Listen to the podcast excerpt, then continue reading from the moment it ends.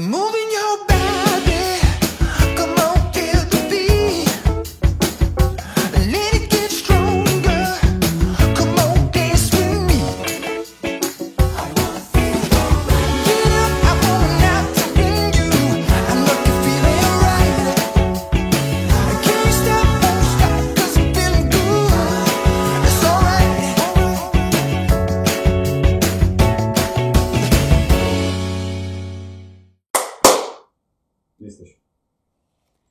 Dzień dobry, Katarzyna Urbańska. Witam w kolejnym odcinku programu Okiem Byłej Frankowiczki. Dziś moim gościem jest już znany Państwu e, adwokat, mecenas Wiktor Budzewski. Dzień dobry, dzień dobry Państwu. A spotykamy się dzisiaj w związku z orzeczeniem, które 2 września miał wydać Sąd Najwyższy. I cóż, no, historia lubi się powtarzać. Znów tego orzeczenia nie mamy, mimo że sześć pytań zadanych przez e, panią prezes Sądu Najwyższego uzyskało odpowiedź poszczególnych instytucji. Każda z instytucji odniosła się do pytań e, pierwszej prezes Sądu Najwyższego.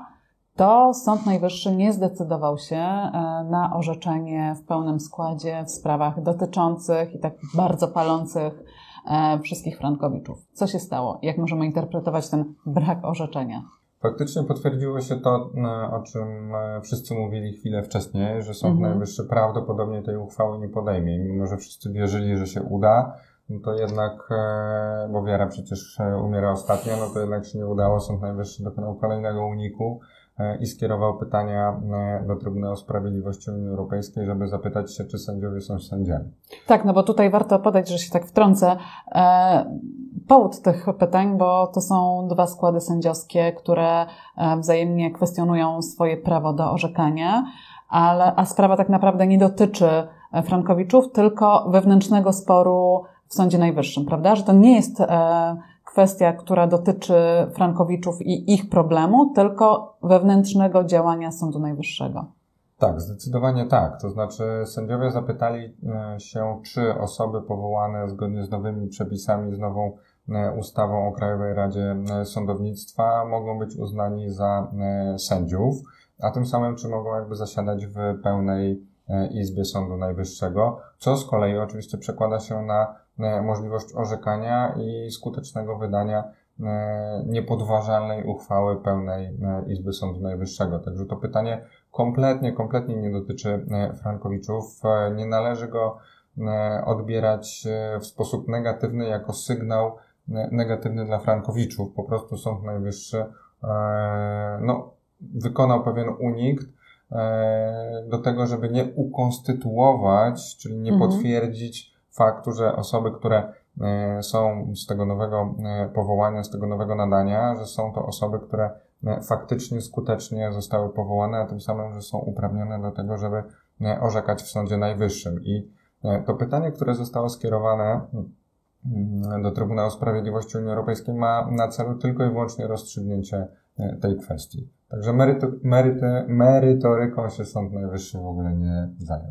No właśnie, to jest bardzo istotne, bo wielu Frankowiczów obawiało się tego, że skoro Sąd Najwyższy, mimo obietnicy, że 2 września e, wreszcie e, ustosunkuje się do e, tej palącej e, kwestii, takiej bardzo społecznej, bo to prawie e, milion em, osób, których dotknął ten produkt finansowy, e, nie uzyskało wciąż e, wiążącej prawnie odpowiedzi, to wciąż jednak e, mamy instrumenty prawne i mamy orzeczenia Sądu Najwyższego, które należy stosować w wyrokach sądów, prawda?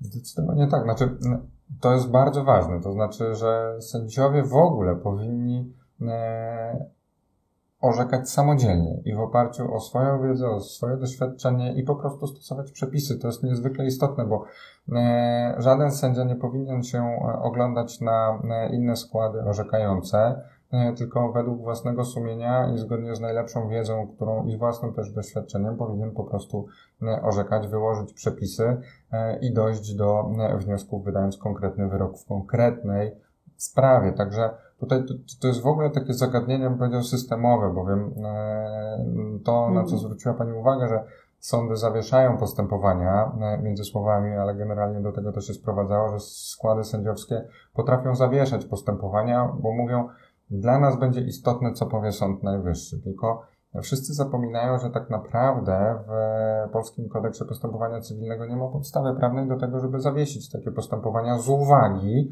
na pytania skierowane do Sądu Najwyższego. Oczywiście e, tutaj jako podstawa jest przywoływany ten artykuł 177 paragraf 1 punkt 1, zgodnie z którym istnieje możliwość zawieszenia postępowania cywilnego, jeżeli wynik tego postępowania zależy od wyniku innego toczącego się e, postępowania cywilnego. I to jest bardzo istotne w tej całej sprawie, bowiem e, tak naprawdę sprawa, która jest rozstrzygana przed Sądem Najwyższym, te pytania, które zostały zadane do Sądu Najwyższego, nie są w żadnym wypadku inną sprawą cywilną, od której uzależniony jest wynik E, każdej konkretnej sprawy. I to trzeba o tym pamiętać i to trzeba podkreślać na każdym e, kroku. Oczywiście fajnie by było tą uchwałę mieć i zakładam, mhm. że wszyscy wychodzili z takiego założenia, że jeżeli się Sąd Najwyższy wypowie, to oni będą z tego czerpali pełnymi garściami. Natomiast no, prawda jest taka, że to nie jest inne postępowanie cywilne, to inne toczące się postępowanie cywilne, a tym samym brak jest podstaw w ogóle do zawieszenia e, któregokolwiek z postępowań e, cywilnych. Także ja uważam, że nie tylko, że wszystkie składy e, orzekające i tak powinny orzekać, nie oglądać się na uchwałę Sądu Najwyższego, bo znowu to jest jeszcze jedno zagadnienie, o którym trzeba pamiętać, że ta uchwała będzie de facto, tak czytając literalnie przepisy, ona będzie wiązała inne składy Sądu Najwyższego. To nie jest tak, że nagle sąd apelacyjny, sąd rejonowy, sąd okręgowy będą związane z tym, co powie Sąd Najwyższy. No bo sądy są niezależne i każdy sędzia, tak Dokładnie, jak wspomniałam tak. wcześniej, ma działać zgodnie z przepisami i w zgodzie ze swoją oceną sytuacji. Dokładnie tak. Także to też nie mamy nawet takiego bezpośredniego e, powiązania. Oczywiście zakładam, że większość będzie się mhm. kierowała tym, co powie E, Sąd Najwyższy, no jednak jest to e, najwyższa instytucja e, sądownicza w Polsce i zasiadają tam bardzo mądrzy ludzie z doświadczeniem niezwykłym i, i również w orzekaniu. Także te osoby, jeżeli będziemy mieli uzasadnienie tej uchwały, to na pewno będzie gigantycznym opracowaniem, gigantyczną pomocą i wskazówką, drogowskazem dla innych składów orzekających. Natomiast jeżeli się rozejrzymy i będziemy mhm. chcieli poszukać, to odpowiedzi na pytania, które zostały zadane, znajdziemy w innych orzeczeniach, czy sądów apelacyjnych, także Sądu Najwyższego, czy Trybunału Sprawiedliwości. No więc Unii właśnie, bo te drogowskazy już są e, i są w taki sposób sformułowane, też w związku z zapytaniami polskich sądów, jak należy interpretować przepisy, bo umówmy się, że sędziowie nie wszyscy też mają obowiązek tak dobrze znać produkty finansowe, które były e, wciskane ludziom. Także oni też dostali taką wskazówkę, w którym miejscu i dlaczego te umowy są nieważne, gdzie e, tak naprawdę interes przedsiębiorcy przykrył interes konsumenta, stawiając e, przedsiębiorcę ponad prawem i ponad równością stron.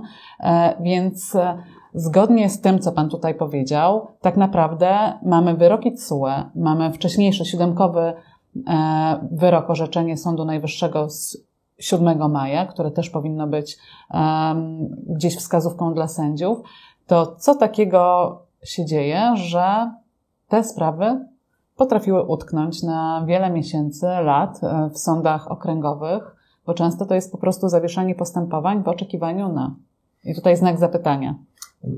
Tak, jakby ja podzielam ten znak zapytania, bo ja generalnie nie wiem, na co sądy mm czekają, bo prawda jest taka, że e, i tutaj trzeba e, duże brawa dla sądów e, pierwszej instancji, bo jest wiele składów orzekających, które nie ogląda się na, na uchwałę Sądu Najwyższego. Nie dalej jak w zeszłym tygodniu jeden z sędziów generalnie też przyznał nam rację, bo powiedział, że faktycznie ta uchwała, jeżeli miałaby zapaść, to byłoby bardzo miło, natomiast wydaje się, że w, jednak kodeks postępowania cywilnego nie przewiduje podstawy prawnej do tego, żeby e, zawiesić to postępowanie, a tym samym on ma obowiązek wynikający chociażby z konstytucji, gdzie przecież mamy zapisane prawo e, mhm. obywatela do otrzymania czy e, uzyskania wyroku przez sąd niezawisły w, e, w jak najszybszym możliwym terminie, tak jakby bez zbędnej zwłoki, więc jakby e, co do zasady sądy po prostu powinny wziąć sprawę,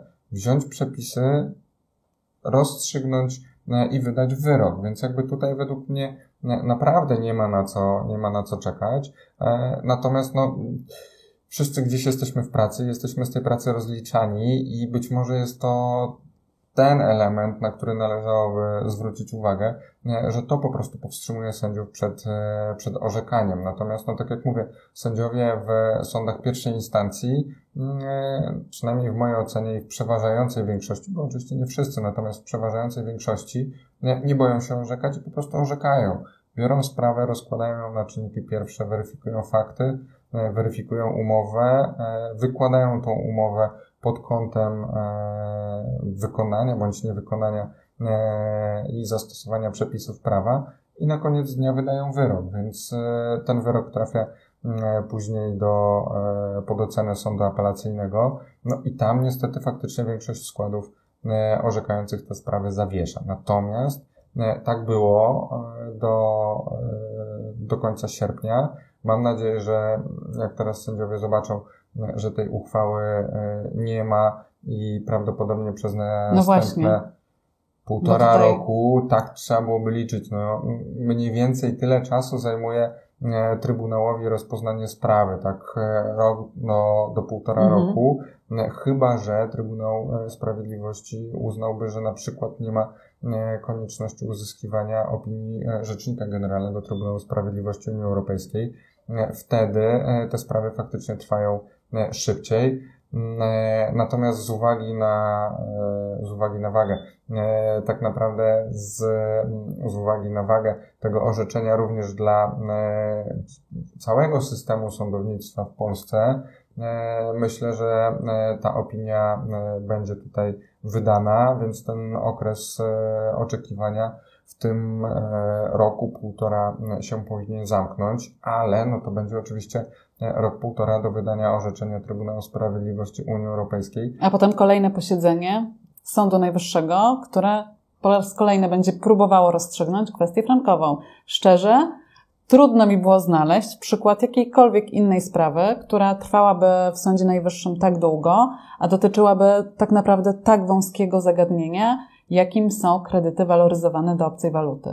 Zgadzam się, faktycznie też takiej sprawy nie kojarzę, natomiast e, też zwracam uwagę, że jeżeli Trybunał powiedziałby, że te osoby sędziami nie są, e, no to mamy kolejny gigantyczny problem systemowy e, i należałoby zadać pytanie, czy w ogóle był podmiot e, uprawniony do zadania tych pytań. Ale cały czas nie straszmy tutaj naszych frankowiczów i tych wszystkich, którzy poszli walczyć o swoje, dlatego że tak jak padło wcześniej, jak pan mecenas zauważył, nie ma podstawy prawnej do tego, żeby czekać na jakiekolwiek decyzje Sądu Najwyższego, dlatego że każdy sędzia powinien w w oparciu o swoją najlepszą wiedzę stosować przepisy i wydawać wyroki. Tak, i tutaj e, też trzeba zwrócić uwagę, że sędziowie jakby korzystają również z prawa i mają jeszcze jeden, e, jeden element, z którego mogliby skorzystać, czy jedną instytucję, bo mogą zadawać pytania, czy to do Sądu Najwyższego, e, Mhm. czy do Trybunału Sprawiedliwości Unii Europejskiej. Co już się dzieje. Co już się dzieje, tak. Jednym z przykładów jest tutaj oczywiście e, pytanie zadane przez e, skład orzekający w Sądzie Rejonowym dla Miasta Stołecznego Warszawy. E, I, I te pytania, jeżeli e, uzyskają odpowiedzi, e, no to one będą już tym drogowskazem. To będą kolejne, kolejne e, odpowiedzi na konkretne pytania w konkretnej sprawie. Także tutaj być może, e, jak już dotrzemy do Mhm. e, odpowiedzi Trybunału Sprawiedliwości Unii Europejskiej, o ile oczywiście ta sprawa zostanie przyjęta do e, rozpoznania, e, jeżeli dojdziemy do tego i do, e, dotrwamy do tego rozstrzygnięcia, to tak jak teraz mamy już odpowiedzi na wiele z pytań, które zostały zadane, w tym przywołana tutaj uchwała majowa, która przecież ma moc zasady prawnej przecież nadaną, to też Tak, to już i tutaj te pamiętać. wszystkie kwestie trudne i skomplikowane dla sądów zostały wyjaśnione i co do tego nie ma wątpliwości. Dokładnie tak. No to oczywiście, e, jeżeli będziemy mieli odpowiedzi na te pytania, e, to być może uchwała w ogóle e, całej Izby nie będzie już potrzebna, będzie zbędna. E, I teraz ja oczywiście zachęcam, że jeżeli składy, poszczególne składy w konkretnych sprawach mają wątpliwości, co powinny zrobić, to powinny skierować pytanie do Sądu Najwyższego, co też e, się zadziało. E, I tutaj też przypominam, że z mojej perspektywy jedno z najistotniejszych pytań, które będzie rozstrzygane w Sądzie Najwyższym, to czy te umowy w ogóle są ważne? Tak, czy Mhm. one są zgodne z naturą stosunku prawnego? I to też to trzeba mieć z tyłu głowy, bo jeżeli Sąd Najwyższy by uznał, że umowy kredytu indeksowanego, denominowanego, e, gdzie mamy ten element niepewności, że tej wymiany waluty e, jest niezgodny z istotą stosunku prawnego, w mojej ocenie w ogóle już nie powinniśmy sięgać do e, kwestii i przede wszystkim skutków e, wyeliminowania klauzul Tak, i zastanawiać się właśnie, czy po usunięciu klauzul abuzywnych umowa jest dalej ważna, czy nieważna, no bo to jest wtedy już rozstrzygnięte definitywnie. Dokładnie tak. No jeżeli umowy nie ma, bo ona jest e, nieważna w całości, to nie rozstrzygamy i nie zastanawiamy się nad jej poszczególnymi postanowieniami umownymi. I znowu to spowoduje, że e, odpowiedź na pytania zadane przez e, panią sędzię Manowską e, staną się kompletnie bezprzedmiotowe. No właśnie, ja bym chciała tylko jeszcze podsumowując naszą rozmowę o, o orzeczeniu, które miało być, a którego nie było, e, uspokoić Frankowiczów, że wciąż to jest moment na to, żeby bezpiecznie i skutecznie pozywać e, banki. Dlatego, że każdy dzień e, zwłoki to tak naprawdę e, dzień, w którym zarabia na nas, e, na Frankowiczach, na tych nieuczciwych produktach finansowych bank.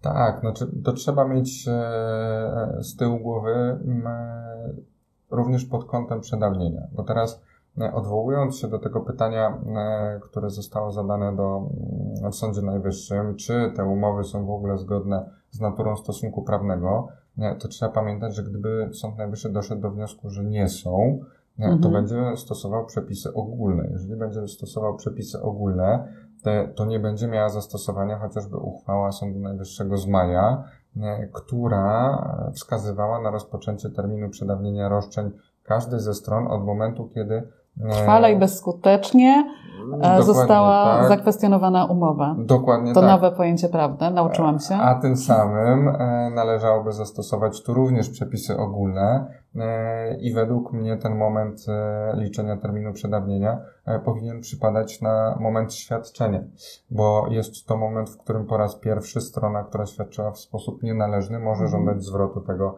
e, świadczenia, a tym samym e, zarówno roszczenia banku, jak i roszczenia konsumentów będą się przedawniały. I takie orzeczenia oczywiście również e, zapadają, czyli gdzie sądy stwierdzają, że roszczenie konsumenta starsze niż 10 lat jest przedawnione. Także dla banku jest to czysty zarobek, bo jeżeli e, roszczenie konsumenta się przedawnia z miesiąca na miesiąc, bo tu będziemy oczywiście mieli do czynienia z przedawnieniem poszczególnych e, rat starszych niż e, na razie jeszcze oczywiście lat 10, bo tu też przypominam, że w 2018 roku Mhm. e, zostały skrócone okresy przedawnienia e, i od wejścia w życie tej ustawy do 2024 roku będziemy jeszcze w większości oczywiście stosowali przepisy e, stare, czyli w tym wypadku ten 10-letni 10 lat. okres przedawnienia, natomiast dalej jak e, 2024, no to będziemy już mieli ten okres sześcioletni. E, Natomiast no, trzeba mieć gdzieś to z tyłu głowy, no bo jeżeli to roszczenie jest przedawnione, to po prostu nie można go dochodzić e, od, od banku. A No. często Frankowicze już spłacili swoje nieruchomości i wszystko to, co pożyczyli od banku na podstawie tego dziwnego produktu finansowego oddali, a teraz tak naprawdę spłacają wszystko to, co właśnie naliczył ten produkt finansowy bank, czyli, te, czyli to jest ten czysty zysk banku. Narzut. Ten właśnie, nawet nie wiem jak to nazwać, dlatego że narzut można mówić w przypadku jakiegoś tam e, uczciwego rozliczenia stron, oprocentowania, o którym wiemy, ale tutaj właśnie często Frankowicze już spłacili całą nieruchomość i to są właśnie te uciekające nam lata, kiedy cały czas musimy spłacać zobowiązanie, którego de facto już nie ma. Tak, no bo jeżeli umowa jest nieważna i to teraz już niezależnie od tego, czy ona jest nieważna, bo e, naruszone są przepisy e, ogólne, bezwzględnie obowiązujące przepisy regulujące e, prawo zobowiązań, czy klauzule niedozwolone, no to umowy nie ma. Tak, a sądy pierwszej instancji cały czas orzekają i orzekają bardzo odważnie i bardzo skutecznie, na korzyść oczywiście pokrzywdzonej strony, czyli konsumentów, na zasadzie już chyba w 100% na zasadzie teorii dwóch konwekcji, czyli nieważności umowy, zwrotu e, wszystkich e, wpłaconych rat i wypisania banku z hipoteki. Dopiero sądy apelacyjne e, zatrzymują te sprawy, ale to też się powoli już zmienia. Mamy nadzieję, że e, tak jak moja sprawa szczęśliwie zakończyła się w sądzie apelacyjnym właśnie na zasadzie teorii dwóch kondycji, tak kolejne sprawy e, będą w podobny sposób rozstrzygane, na korzyść oczywiście pokrzywdzonej strony konsumentów, tych użytkowników produktu finansowego z frankiem szwajcarskim wpisanym w umowę. Bardzo dziękuję Tak. Panie mecenasie. Dziękuję bardzo.